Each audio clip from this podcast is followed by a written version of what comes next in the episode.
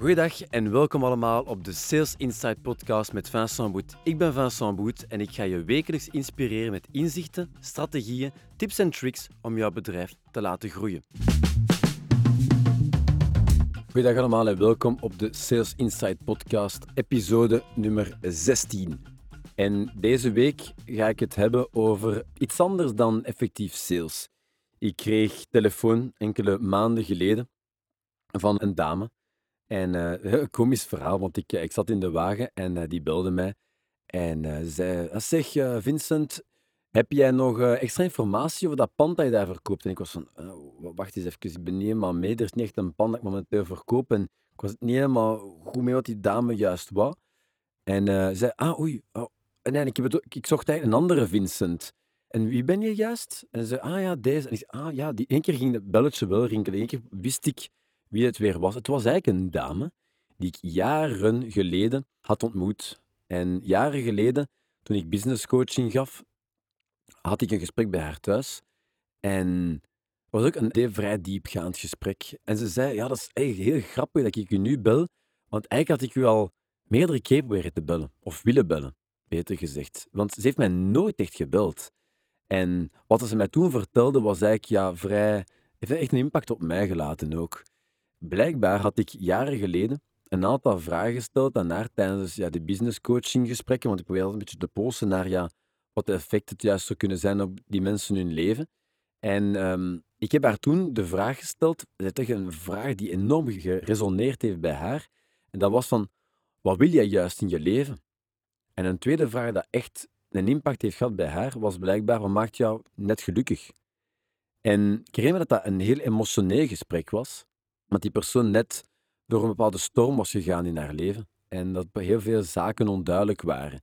En ze vertelde mij aan de telefoon, heel recentelijk, dat het de allereerste keer was in 46 jaar tijd dat iemand haar ooit die vraag gesteld had.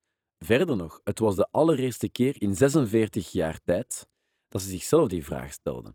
En door dat gesprek heeft zij besloten om haar op nummer 1 te zetten om vanaf nu niet meer te leven in functie van anderen, of voor anderen, of volgens de verwachtingen van anderen, maar volgens haar eigen verwachtingen. En dat ze eindelijk ook wist wat de haar prioriteiten juist waren.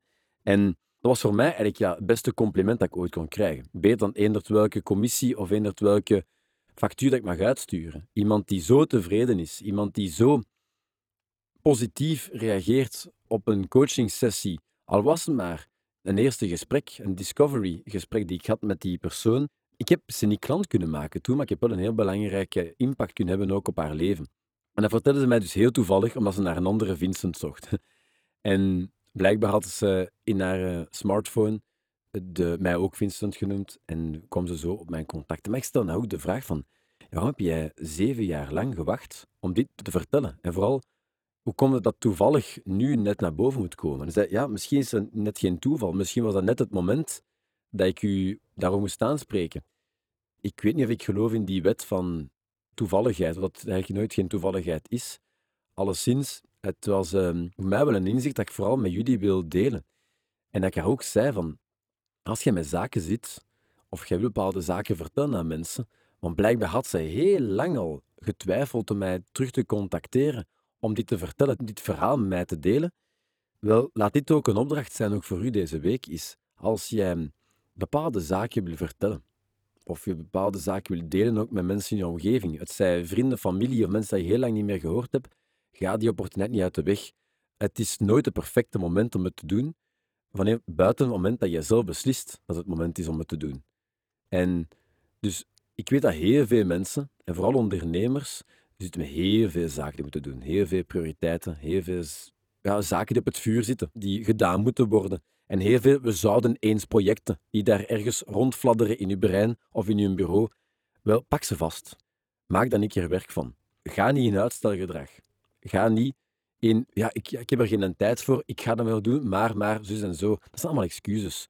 Pak die zaken vast en zorg ervoor dat je kunt losbreken van dat uitstelgedrag.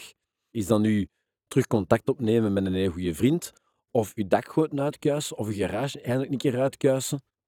Zorg ervoor dat jij daar werk van maakt. Je gaat zien de voldoening die je krijgt ook van de zaken te doen En niet die stapel dat er nog ligt, dat je eigenlijk ja, telkens mee moet aan denken. Of wanneer je in je bed ligt, dat je sluit je ogen en je denkt nog aan al die we zouden eens projecten of al die prioriteiten die ergens liggen, pak die een keer vast, neem een keer tijd om dat te doen. En vooral als het zaken zijn die persoonlijk zijn of die relationeel zijn, neem daar een tijd voor. Alvast, die dame heeft het gedaan, was heel toevallig bij haar en heeft mij enorm veel boost gegeven. Ik was positief, ik was gelukkig die een dag. Absoluut, meestal wel gelukkig, maar toen was ik echt met een heel grote smile en dacht ik van, hier moet ik een podcast over doen. Maar het, vooral het belangrijkste inzicht dat ik vandaag met jullie wil delen, is stel jezelf ook af en toe een keer die vraag. En misschien is het ook bij jou al 46 jaar lang dat je die vraag nooit hebt gesteld, van ja, wat, wat maakt jou net gelukkig? Stel je af en toe een keer zo die vraag, ben jij zaken aan het doen die in verbinding staan met jou gelukkig maakt? En wat wilt je juist? Je moet als mens, als ondernemer ook uiteraard, en als je geen ondernemer bent, maar je bent een sales professional, moet je concrete doel hebben, een concrete doelstelling hebben. En daarvoor moet je eerst weten wat je wilt. En dus tracht zaken te doen die in verbinding staan met datgene dat je wilt. Dat is volgens mij ook de definitie van geluk.